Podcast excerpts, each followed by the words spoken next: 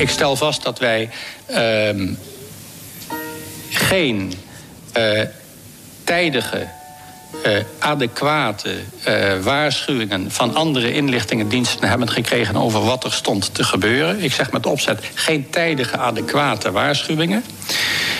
Nederland heeft zijn eigen analysecapaciteit uh, maximaal benut en bleef dus met de fog of war zitten.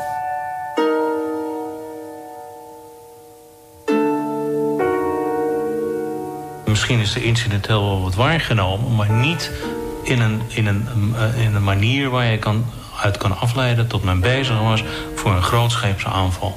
Dat kan ook niet, want gewoon in de hele sequentie is dat pas vanaf 2 juli begonnen. Je kan moeilijk inlichtingendiensten iets verwijten als zelfs de vijand niet weet wat men gaat doen.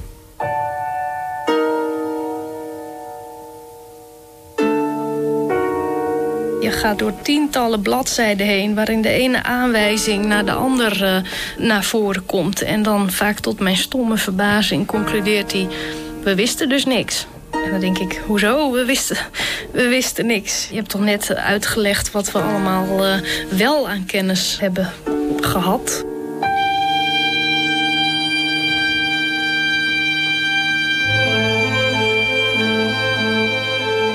Waarom is de verovering van Srebrenica door de Bosnisch-Servische troepen op 11 juli 1995 niet voorzien?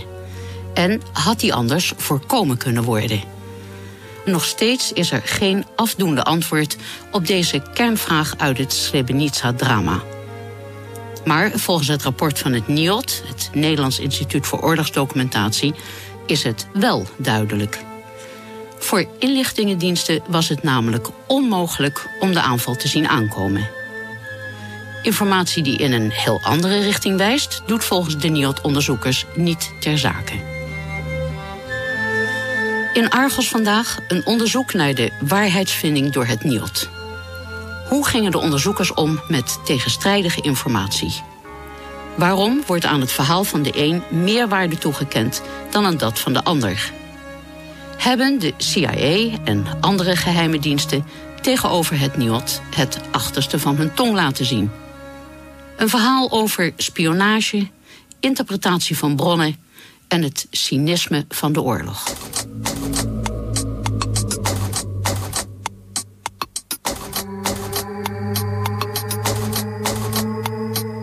Geachte heer Wiebes. Met grote bevreemding heb ik kennis genomen van uw Srebrenica-deelstudie over de rol van de inlichtingendiensten, die pretendeert een wetenschappelijke studie te zijn. U heeft in deze studie eerdere publicaties van mij over dit onderwerp onjuist geciteerd of op misleidende wijze ernaar verwezen. Ook heeft u onjuiste beweringen gedaan over mijn bronnen en over vermeende officiële ontkenningen. Ten slotte maakt u uw stelling dat mijn berichten en die van andere journalisten niet kunnen kloppen absoluut niet hard. Zo begint een verontwaardigde brief die de Duitse journalist Andreas Zumach stuurde naar onderzoeker Kees Wiebes van het NIOD. Na jaren van onderzoek publiceerde het NIOD zijn lang verwachte rapport over Srebrenica, de moslim-enclave in Oost-Bosnië, die beschermd werd door de Nederlandse VN-soldaten van Dutchbed. Voor dat NIOD-rapport schreef Kees Wiebes een bijna 500 pagina's dikke deelstudie over de rol van de inlichtingen en veiligheidsdiensten. Het onderzoek van Wiebes, een van de weinige Nederlandse deskundigen op dit terrein, moest antwoord geven op die belangrijke vraag: was de aanval op Srebrenica te voorzien? Kortom, al dus Wiebes. Ik had als centrale vraag: wie wist wat, op welk moment en wat is ermee gedaan? Andreas Zumach is correspondent bij de Verenigde Naties in Genève. In 1997 ontving hij uit handen van VN-secretaris-generaal Kofi Annan de VN-prijs voor journalistiek. Zumach publiceerde in oktober 1995 een aantal artikelen waarin hij stelde dat Amerikaanse inlichtingendiensten al medio juni 1995 op de hoogte waren van de Servische aanvalsplannen. Twee Amerikaanse inlichtingenofficieren hadden hem inzage gegeven in afgeluisterd communicatieverkeer tussen Belgrado en de Bosnisch-Servische generaal Mladic. De bevindingen van Tsumach krijgen veel aandacht in het boek van Wiebes. Ik heb dat gecheckt. Ik heb dat gecheckt bij Britse diensten, bij Britse intelligence experts. Ik heb dat gecheckt bij mensen van de National Security Agency, de CIA. Wat er geïntercepteerd is, is niet zozeer, zeg maar, directieven aan Mladic of communicatie van Mladic met Belgrado over de aanzijnde aanval. Want zoals iemand van de CIA mij zei, ja, Mladic is ook niet een idiot. Hij gaat echt niet over open communicatieverkeer praten met Belgrado wat hij van plan is. Daarbij wordt ook nog vanuit gegaan dat uh, Belgrado op de, hand, op de hoogte was van de aanval. Nou, daar hebben wij ook geen aanwijzingen voor gevonden. En ik moet eerlijk zeggen dat de berichtgeving van de heer Soemag... mij af en toe wel eens de wenkbrauwen doet uh, optrekken. NIOD-onderzoeker Kees Wiebes. Andreas Tsumach kreeg het nog niet in het Engels vertaalde boek van Wiebes onder ogen en is geïrriteerd. Also ich muss sagen, dass ich sehr befremdet bin, um nicht zu sagen auch sehr verärgert. Zomachs bevindingen over het bestaan van de afgeluisterde communicatie, zogeheten intercepts, zorgden in oktober 1995 wereldwijd voor opschudding. En opvallend was dat er nooit duidelijke ontkenningen kwamen van de autoriteiten, zoals de toenmalige Amerikaanse defensieminister Perry, de Nederlandse minister Voorhoeven en de Duitse minister van Buitenlandse Zaken Kinkel. Slechts ontwijkende halve antwoorden. Dat moet Wiebes bevestigen. Klopt allemaal. Uh, de, de, antwoorden van Perry uh, zijn vaag. Je ziet ook, en dat beschrijf ik ook in mijn boek... dat, dat Voorhoeven daar niet op doorvraagt. Uh, op die terreinen. En dan zie je, dan komt dat verhaal ook op in de Amerikaanse pers, de grote Amerikaanse kranten. En dan zijn er Amerikaanse journalisten, bijvoorbeeld van de New York Times, die zeggen: die intercepts die bestaan wel degelijk. Ja, wat alleen weer de John Deutsch van de CIA glasheert is ontkend. Wat ik eerder vermoed, is dat Soemag intercepts is getoond door de Bosnische moslims. Ja, dat, Want die waren wel in staat om een deel van het berichtenverkeer te intercepteren. Dat, dat, dat, zegt u ook min of meer in uw boek. Ja, want wie in die periode liep te leuren met intercepts... was de Bosnische ambassadeur. Maar denkt u dat meneer Soemag zo dom zou zijn om... Ik weet niet wat ze hem gegeven hebben. Nee, maar, u gaat, maar uw suggestie in uw boek is dat, dat, dat hij inderdaad uh, iets gezegd heeft... Dat, dat hij dingen gezien heeft uh, wat afkomstig zou zijn van de Amerikanen... maar dat hij het eigenlijk van de Bosnische moslims heeft gekregen. Het is niet zo dat je een intercept van dat niveau... en we praten we dus echt over het hoogste niveau van Mladic met generale staf... of Mladic met Belgrado, met Milosevic, maakt mij niet uit. Tot dat materiaal überhaupt Washington verlaat in die vorm van intercepts. Als je gaat kijken... Ja, maar ik denk ook niet dat, uh, dat meneer Schumacher te zien heeft gekregen... als, als, als, als, als iemand van een bevriende inlichtingendienst. Blijkbaar heeft er iemand uh, gelekt. Uh, Bij de Amerikaanse inlichtingendienst zelf. Dat, dat, dat is wat hij zegt. Ja, sorry, ik heb met echte goede mensen gesproken. Het is er in het verleden ook vaker gebeurd, bij de Kosovo-oorlog bijvoorbeeld. Of bij de poging onlangs om Karadzic te informeren. Uiterst gevoelige informatie wordt gelekt door officieren. Dat gebeurt toch gewoon? Tuurlijk.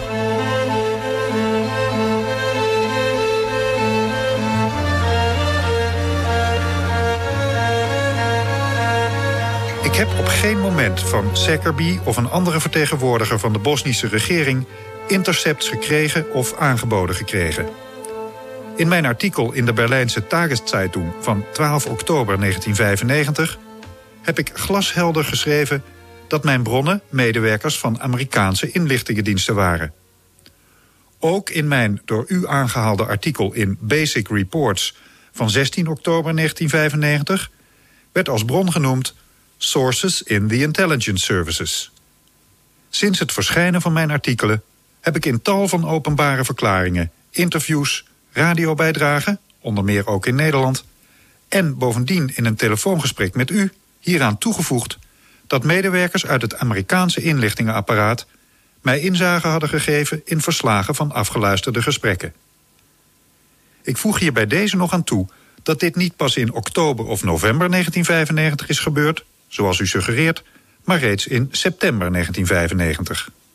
Opnieuw een passage uit de brief van Andreas Tsumach. Hij stuurde die niet alleen aan Kees Wiebes, maar ook aan NIOD-directeur Blom, minister-president Balkenende, minister van Defensie Korthals en de voorzitter van de parlementaire enquêtecommissie Bakker. Tsumach neemt de kwestie hoog op.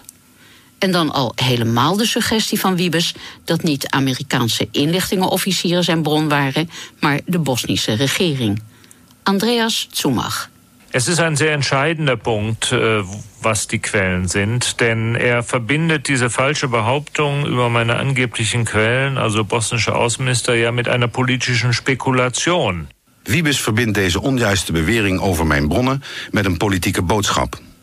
Hij suggereert dat het motief van mijn bron was om de positie van de Bosnische regering bij de vredesonderhandelingen te versterken.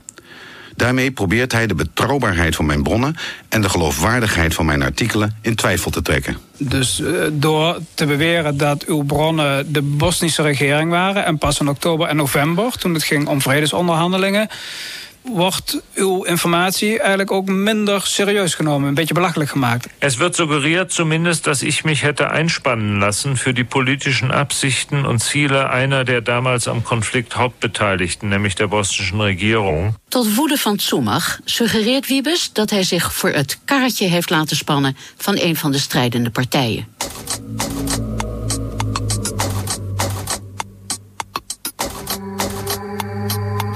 Het meningsverschil tussen Tsumach en Wiebes is niet voor niets zo fel.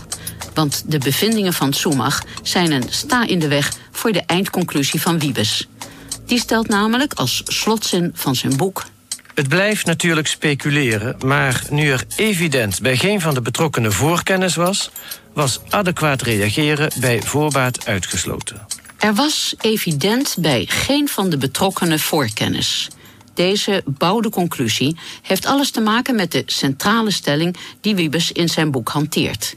De plannen voor een aanval door de VRS, het Bosnisch-Servische leger, op de enclave, kwamen pas in een heel laat stadium en in korte tijd tot stand. Er was geen sprake van maandenlange voorbereiding. De voorbereidingen voor de aanval op Srebrenica vonden plaats tussen 2 en 6 juli. Het doel van de operatie was niet de inname van de safe area, maar verkleining ervan en het doorsnijden van de verbinding met Zeppa. De vraag of er voorkennis was, moet zich dus toespitsen op een heel kleine periode, 2 tot 6 juli. Toen vonden de voorbereidingen plaats. Met deze stelling veegt Wiebes alle aanwijzingen die duiden op voorkennis van voor juli 1995 van tafel. Dat geldt niet alleen voor de berichtgeving van Tsumach. Dat blijkt ook als we Wiebes confronteren met de resultaten van onderzoek dat wij zelf de afgelopen jaren hebben gedaan. In onze uitzending brachten wij naar buiten dat het DPKO, het Department of Peacekeeping Operations van de VN in New York, al in maart 1995 over zeer sterke aanwijzingen beschikte dat de Bosnische Serviërs bezig waren om een aanval op Srebrenica voor te bereiden. Dit verhaal werd bevestigd door de Duitse generaal buitendienst Manfred Eisele. In 1995 was Eisele Assistant Secretary-General van de VN en als zodanig een van de hoogste chefs op het Department of Peacekeeping Operations.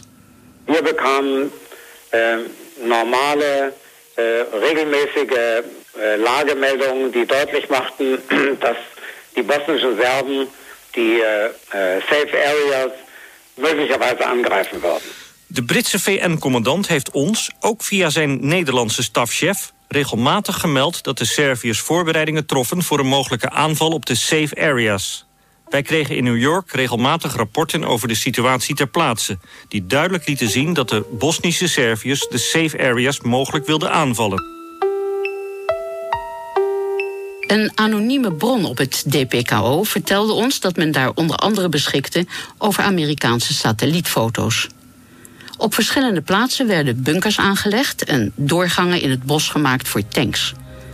Bovendien rapporteerden militaire waarnemers van de VN ter plekke over troepenversterkingen. Also, was, was wir so bekommen haben, welche Informationen es damals schon gegeben hat, im, im März 95. Also Satellitenaufnahmen, dass sich im Norden bei Bratunac etwas tat. Es wurden Bunker angelegt, Schneidens für Panzer geschlagen.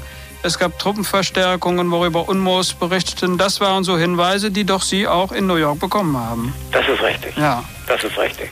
Wiebes is dit verhaal tijdens zijn onderzoek nergens tegengekomen en gelooft er daarom niets van. Evenals Dick Schoonhoort, die als militair historicus meewerkte aan het NIOD-onderzoek en die ook bij het gesprek aanwezig is. Kees Wiebes. de bewering als zouden Amerikaanse satellietfoto's gedeeld zijn met KO... dat moet ik echt naar het Rijk de Fabelen verwijzen. De Amerikanen delen geen satellietfoto's. De hoogheid wat gedeeld kan worden met U-2-foto's... en dat werd zelfs niet gedaan, omdat men binnen en we hebben ook veel mensen gesproken... dat als uiterst gevaarlijk werd geacht. U, u zegt dus het kan niet zo zijn dat mensen op het Department of Peacekeeping Operations in New York... bij de Verenigde Naties... Uh, van de Amerikanen luchtfoto's te zien hebben gekregen. Misschien op individuele basis, maar niet op een structurele manier zoals hier wordt in de uitzending gezegd. Diepeke al kreeg dat te zien. Trouwens, ik vind het heel opvallend dat hij in IJsland interview met wij met wat hem gehad hebben, daar helemaal niet over gerept heeft. en ook geen voorkennis heeft gehad. We zouden er wel naar gevraagd hebben. Dat was omdat wij hebben namelijk uh, niet alleen met de heer IJsselen gesproken, maar ook met andere mensen die daar werkzaam mm. waren. We hebben meneer IJsselen daarmee geconfronteerd. En toen zei hij dat pas. Niet in eerste instantie. Maar dat neem ik ook aan dat jullie de vraag hebben gesteld van waarom heeft het dan nog tot jullie geduurd? Nee, nee, maar, maar, nee, maar eerst even, eerst even dit, dit, punt af. Wij hebben met mensen gesproken die bij DPKO werkten in die tijd. En die hebben gezegd dat zij van Amerikaanse, Amerikaanse luchtfoto's te zien hebben gekregen van het gebied rondom Srebrenica. U zegt dat kan niet. Vanuit welke tijd? In het voorjaar van 95. Gewoon nou, van... Ik heb met Amerikaanse functionaris gesproken. En die, voor de één op één dan. Die stellen dat dit soort materiaal niet werd gedeeld met Department of Peacekeeping Operations. Uit angst voor lekken. Ja. Maar die man zegt dat hij het gezien heeft. Wat, Oké, en wat vertelde die luchtfoto's dan is de volgende vraag. Hoe kan je op een luchtfoto aflezen satellietfoto of U2-foto's. We hebben er heel veel gezien. Hoe kan je op een luchtfoto uit het voorjaar van 95 aflezen... dat men klaar staat om aan te vallen als het pas notabene in juli gebeurt? Wat zie je dan op een luchtfoto? Je zag bijvoorbeeld op luchtfoto's dat er uh, doorgangen door de bossen werden geslagen. Zo breed dat je daar met tanks uh, kon oprukken. Nou, als je kijkt naar de feitelijke aanval op Srebrenica... is dat eigenlijk amper niet nodig geweest. Ja, maar dan is over de weg Het gaat erom, gaat erom of je voorbereidingen treft. Ja. Ons is verteld door mensen bij DPKO dat eh, ze op grond van die signalen druk overlegd hebben binnen het Department of Peacekeeping Operations... van er gaat rondom Srebrenica uh, het een en ander gebeuren.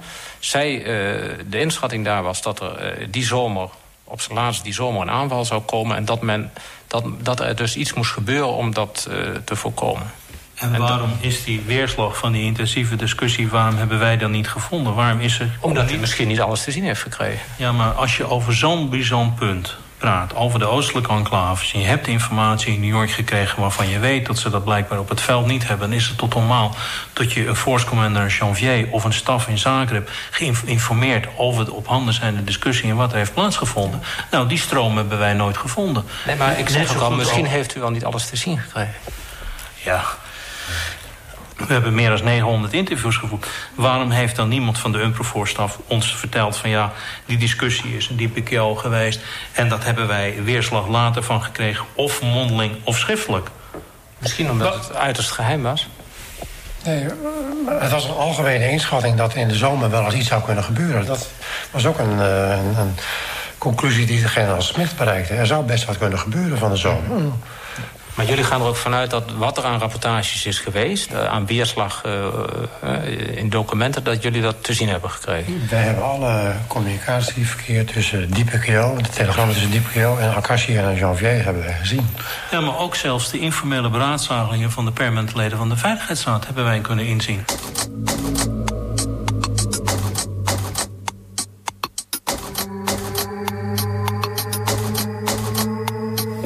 Those uh, local environments down there, you have to respond to any threat. You have to be, uh, you would call it a bit macho, uh, because if you do not act macho down there, they will walk over you immediately. So we told them, we are from the old Viking warrior tribe, so don't piss at us because we will shoot back at you. And they really got the message. Kolonel Lars Moller.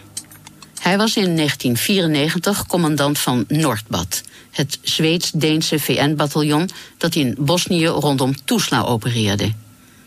De Scandinaviërs hadden de beschikking over tien moderne tanks en waren daarmee verreweg de zwaarst bewapende VN-eenheid in Bosnië. Moller vertelde ons hoe hij met de tanks ook daadwerkelijk en effectief optrad. Dat maakte indruk op de Serviërs, maar ook op de VN. Op het DPKO van de VN in New York ontstond daarom in het voorjaar van 1995 het plan de Deense tanks naar Srebrenica te sturen. Zo serieus nam men de aanwijzingen dat de Serviërs de enclave zouden aanvallen. En men was ervan overtuigd dat het licht bewapende Dutchbed hier niet tegen opgewassen was. De Duitse generaal Eisele bevestigde ook dit verhaal.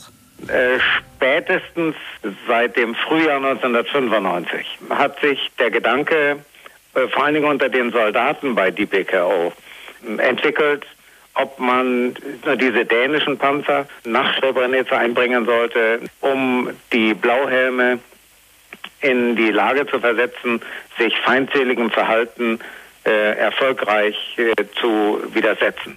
De NIOD-onderzoekers Wiebes en Schoonoord willen ook van dit verhaal niets weten.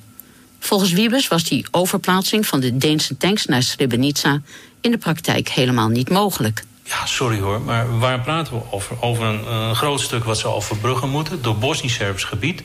Dus als je op een heuvel gaat sturen en je stuurt een antitankwapen op zo'n tank af, dan ben je weg. Je blokkeert er weg en je komt niet veel verder.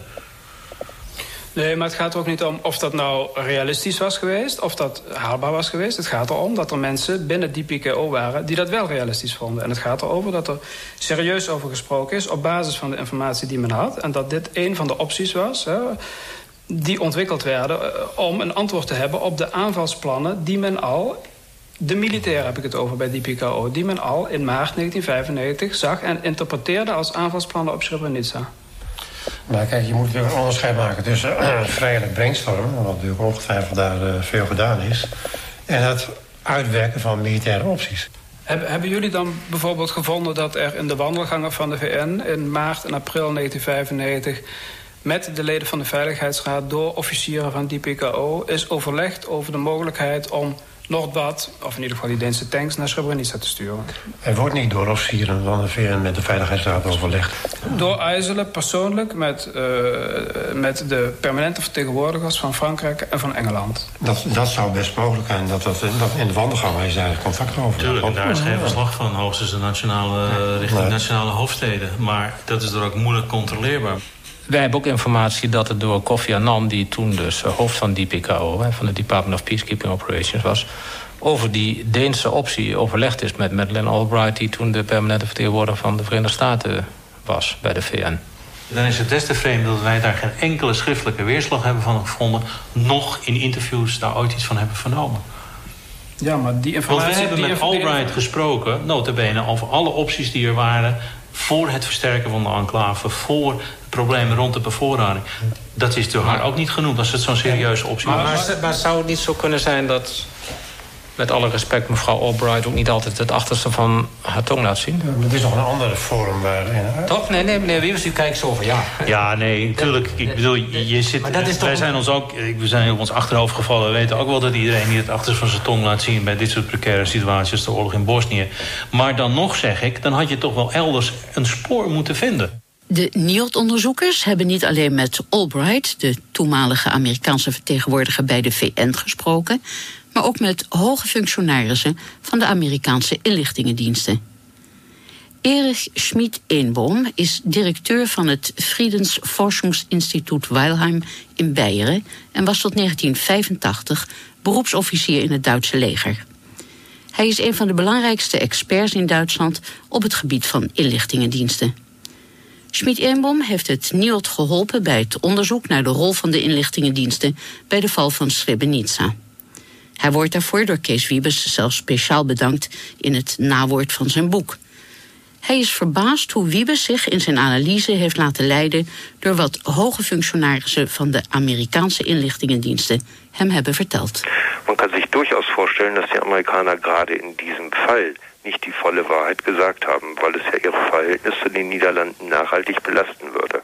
Het zou toch de relatie tussen de Verenigde Staten en Nederland behoorlijk onder druk hebben gezet als Amerikaanse functionarissen tegenover het NIOD zouden hebben verklaard: ja, we wisten van tevoren dat de Serviërs Srebrenica wilden veroveren. Ik ga ervan uit dat Amerikaanse functionarissen allerlei beweringen hebben gedaan om de werkelijke gang van zaken te verdoezelen. Beweringen die moeten verhullen dat de Amerikanen de Nederlandse militairen in de enclave en de Verenigde Naties bewust in de kou hebben laten staan. Datenschutzbehauptungen, die äh, verschleiern sollen oder den Verdacht äh, ausräumen sollen, die Amerikaner hätten die niederländischen Verbände, die UNO und die UNPROFOR bewusst im Regen stehen lassen.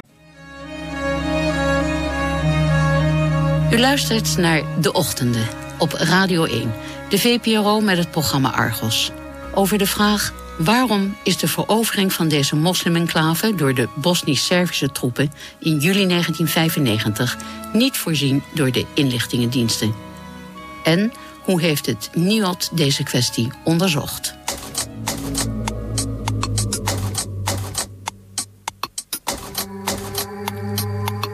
U gaat niet in op feiten waarop ik heb gewezen in artikelen in de Tageszeitung van 20 oktober en 15 november 1995. Op grond van gesprekken met een Duitse generaal en medewerkers van de Bundesnachrichtendienst heb ik bericht dat deze dienst, de BND, destijds ook onafhankelijk van de Amerikaanse inlichtingendiensten in staat was om het telefoon- en het militaire radioverkeer tussen Servië en het territorium van de Bosnische Serviërs af te luisteren. Dit dankzij eigen BND-installaties, maar ook dankzij de zeer nauwe samenwerking met de Oostenrijkse Heeresnachrichtendienst.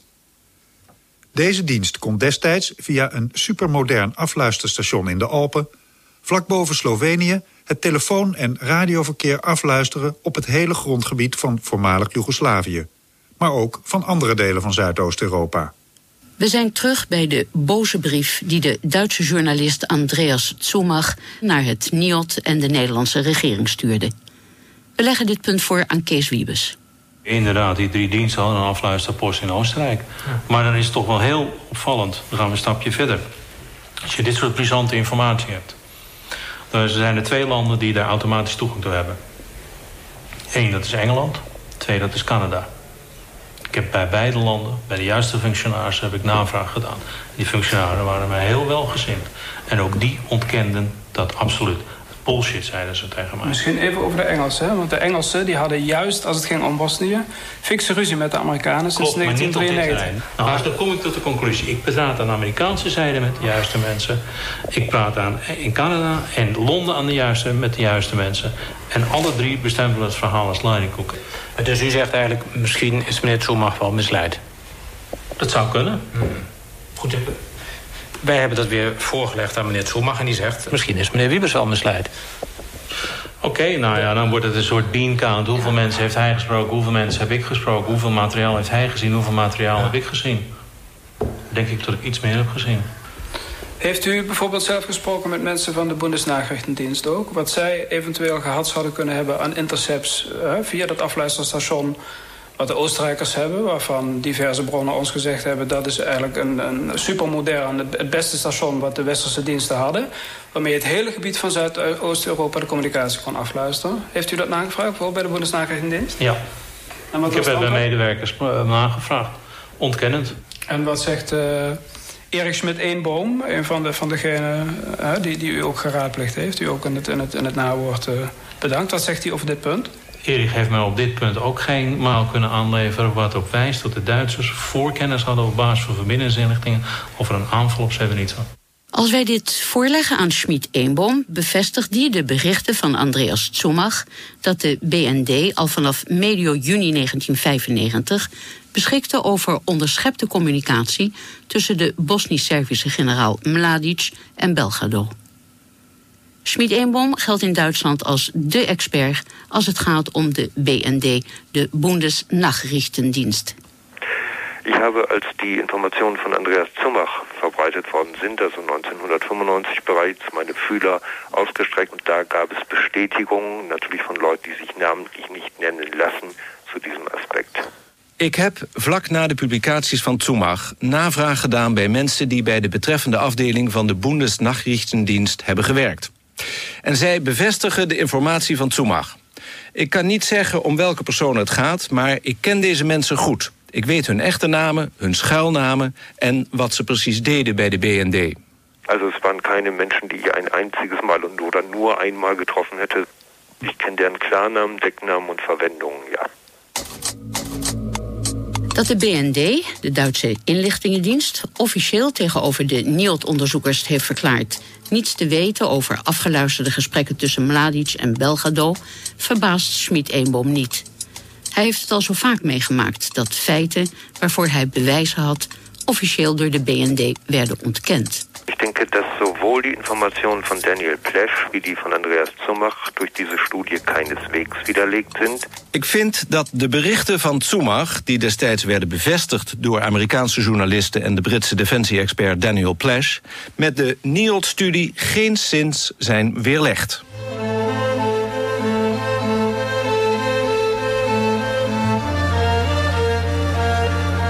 Je gaat door tientallen bladzijden heen... waarin de ene aanwijzing naar de andere uh, naar voren komt. En dan vaak tot mijn stomme verbazing concludeert hij...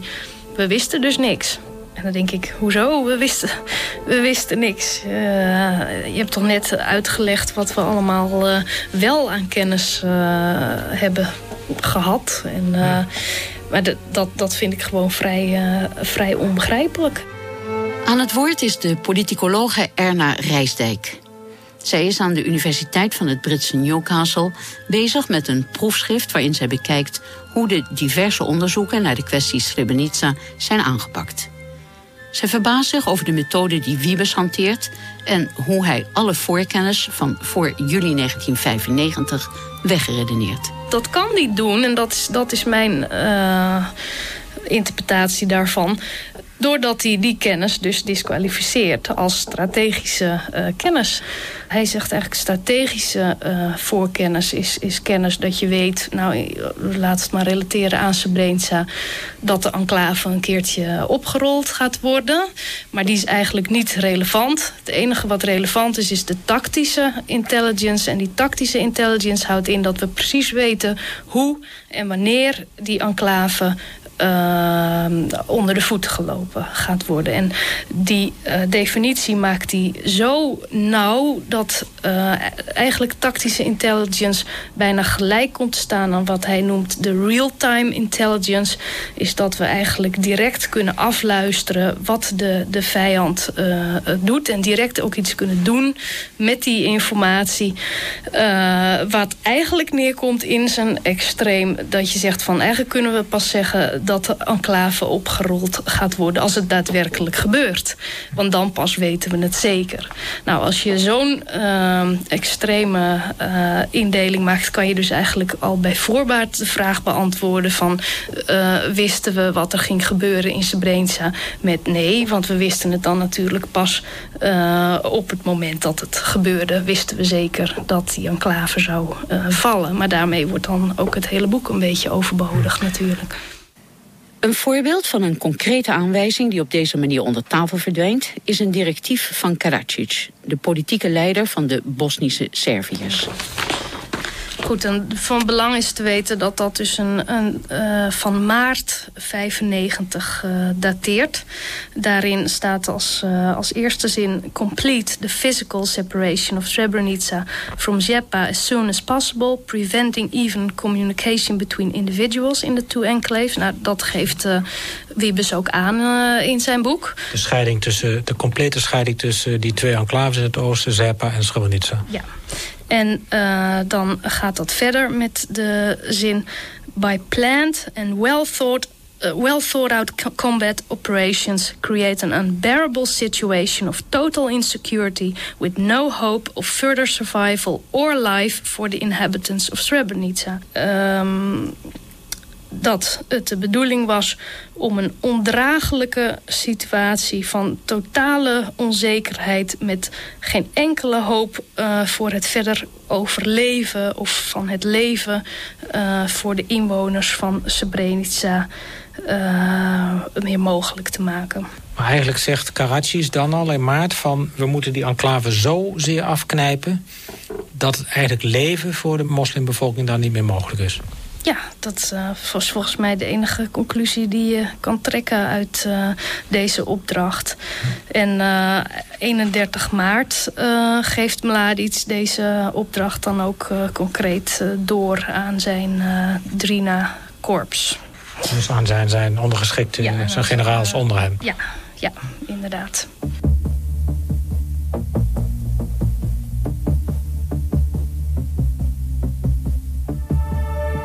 Kan moeilijk inlichtingendiensten iets verwijten als zelfs de vijand niet weet wat men gaat doen. Nou, de vijand in casu Mladic besloot pas op de negende avonds in te nemen. En dan nog zie je dat gewoon de aanwijzingen die er waren... zo minimaal waren dat je eigenlijk tot ook bij westerse inlichtingendiensten... maar ook bij Umpervoor en ook in hoofdsteden conclusie komt... nou ja, ga niet achter de hele enclave aan. Kees Wiebes verwijst hier naar het bevel van generaal Mladic op 9 juli 1995 om de hele enclave in te nemen. Volgens hem viel het besluit tot verovering pas op dat moment. En dus was dat ook niet eerder te voorzien. De Duitse inlichtingendienstexpert Erich Schmid-Eenboom is het volstrekt oneens met deze redenering. Hij verwijst naar de tekst van het Servische bevel van 2 juli, waarmee de aanval op de enclave begon. Und schaut man in den Text dieses Befehls, dann steht da sehr deutlich drin, dass dieser erste Angriff auf die Südflanke der Enklave die Voraussetzungen dafür schaffen sollte, um Srebrenica zur Gänze zu eliminieren. In het bevel van 2 juli staat heel duidelijk geschreven dat de eerste aanval, gericht op de verovering van de zuidflank van de enclave, de voorwaarden moest creëren om de hele enclave te elimineren. Dat laat aan duidelijkheid niets te wensen over. Eliminatie is in de militaire terminologie een duidelijk begrip. Het ging de Serviërs erom dat de hele enclave moest verdwijnen. Dit moet voor alle militaire analisten die dit bevel kenden glashelder zijn geweest. Dus is het ook wel degelijk mogelijk geweest om de verovering van de enclave te voorkomen. Das musste allen Analytikern, die diesen Befehl in den Händen hatten, deutlich klar sein. Und es hätte natürlich dann auf der politischen und militärpolitischen Ebene durchaus Möglichkeiten gegeben, diese Einnahme der Enklave zu verhindern. Schmid-Eenboom bestrijdt de eindconclusie van het NIOD... dat er bij niemand van de betrokkenen destijds voorkennis was... over de aanval op Srebrenica. Hij zegt dat er duidelijke bewijzen zijn... dat diverse westerse inlichtingendiensten... waaronder die van de Amerikanen en de Duitsers... voorkennis hadden. Es gibt deutliche Hinweise und Beweise dafür, dass es ein Vorwissen gegeben hat. Degenen die op basis van deze voorkennis tegenmaatregelen hadden kunnen nemen, hebben deze bewust achterwege gelaten, denkt Schmid-Eenboom. De Verenigde Staten en andere landen, zo concludeert hij, hebben de eliminatie van Srebrenica door de Serviërs oogluikend laten gebeuren. Sie haben den Angriff auf die Enklave, ihre Eliminierung bewusst in Kauf genommen, um daraus anschließende politische Vorteile zu ziehen.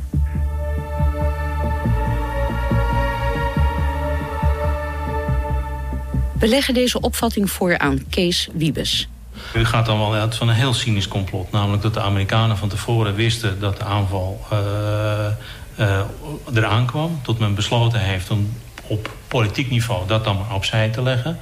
En tot men daarmee millens en wetens dus een aanval op Srebrenica heeft laten doorgaan. Nee, maar ik, ik ben niet cynisch, maar u, u openbaart in uw boek... dat de Amerikanen dubbelspel hebben gespeeld in die hele uh, oorlog daar in voormalig Joegoslavië. En dat is, hè, er was een officieel wapenembargo...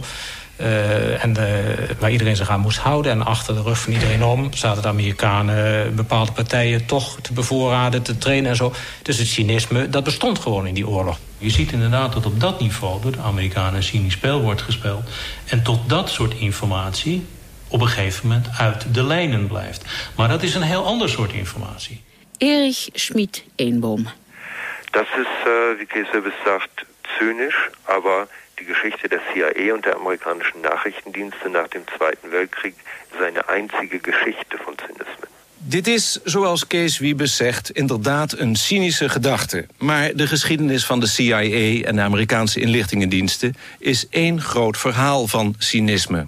U heeft eigenlijk de indruk dat Kees Wiebes een beetje misleid is... door mensen waarmee hij gesproken heeft. Ich habe den Eindruck, dass ihm zentrale Informationen unterschlagen worden sind. Zentrale Informationen.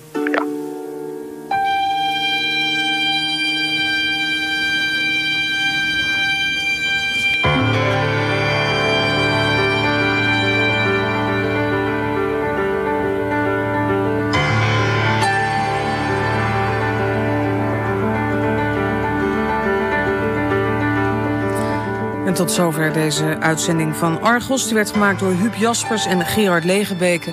en werd eerder uitgezonden in november 2002.